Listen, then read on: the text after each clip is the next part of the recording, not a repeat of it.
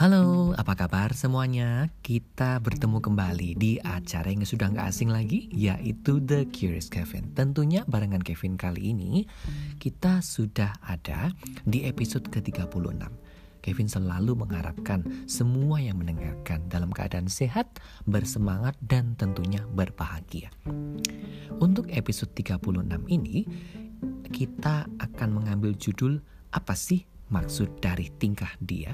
Sekali lagi ya, apa sih maksud dari tingkah dia?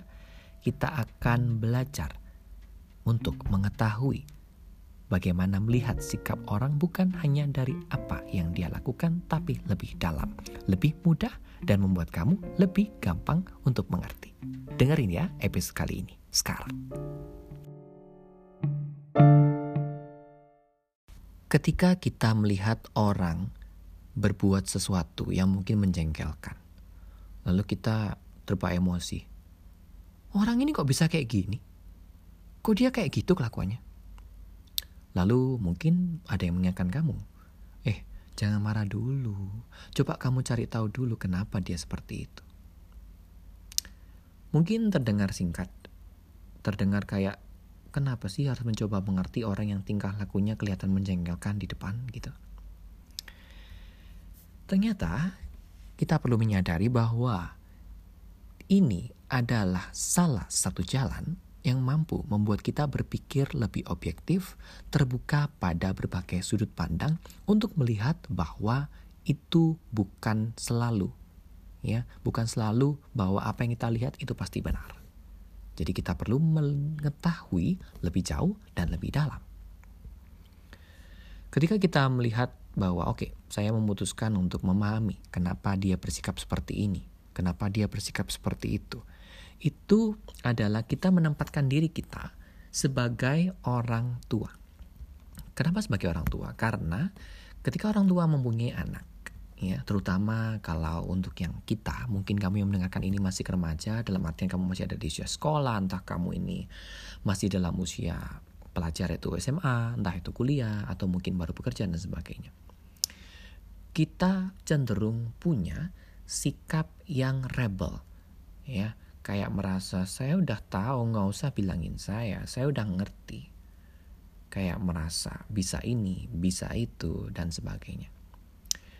Kalau orang tua yang kita ambil contoh di sini adalah orang tua yang mengerti dan memaklumi bahwa ini adalah salah satu jalan menuju kedewasaan dengan berbagai ekspresi sikap, termasuk yang tidak menyenangkan seperti tadi.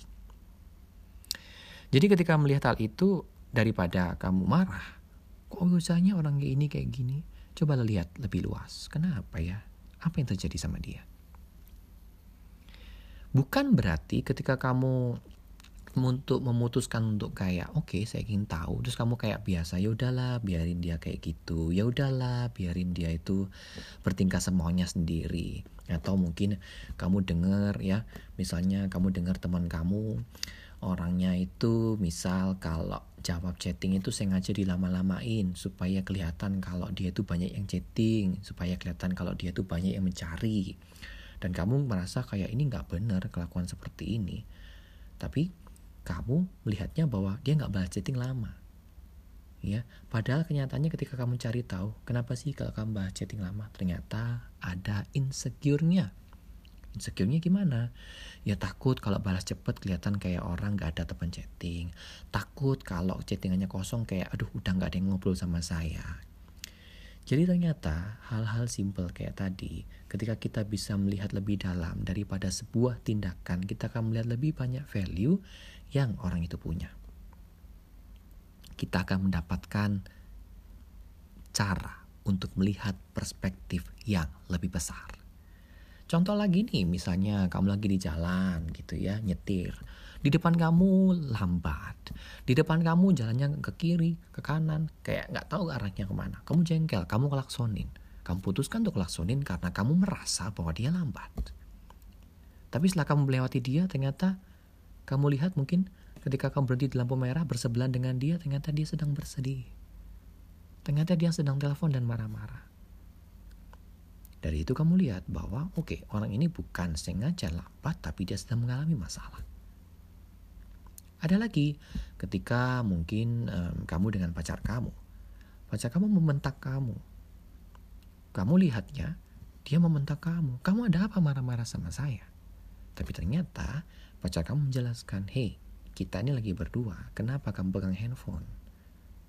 Taruhlah handphone karena kita mau bicara.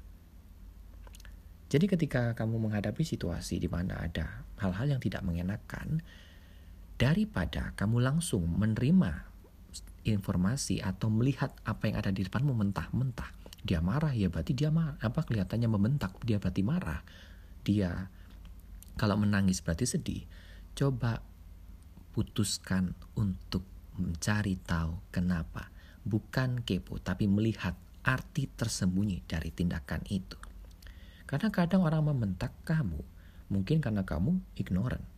Mungkin karena kamu ketika diajak ngobrol main handphone terus. Mungkin karena kamu dibilangin beberapa kali kamu tidak mendengarkan. Maka dia ingin melakukan atau dengan akhirnya terpaksa membentak kamu supaya kamu mendengarkan.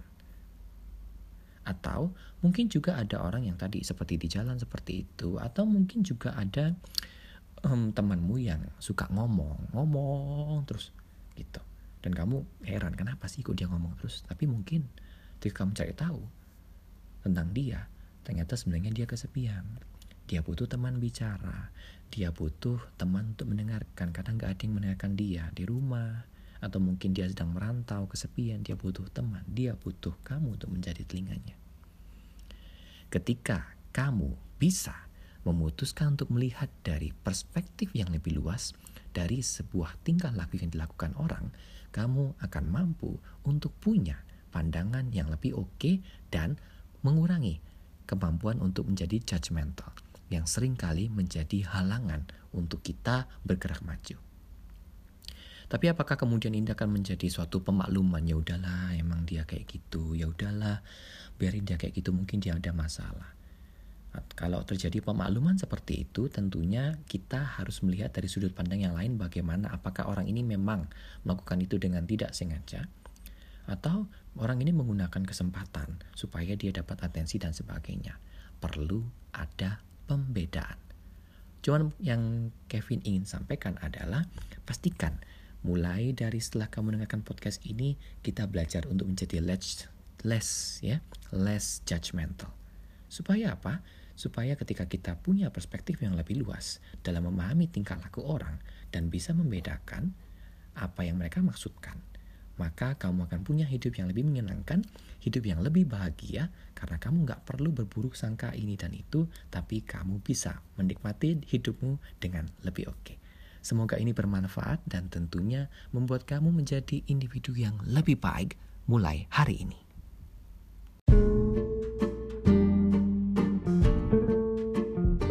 Terima kasih karena kamu sudah mendengarkan episode dari The Curious Kevin. Episode ini sudah tersedia di Spotify, Google Podcast, Apple Podcast, dan Anchor.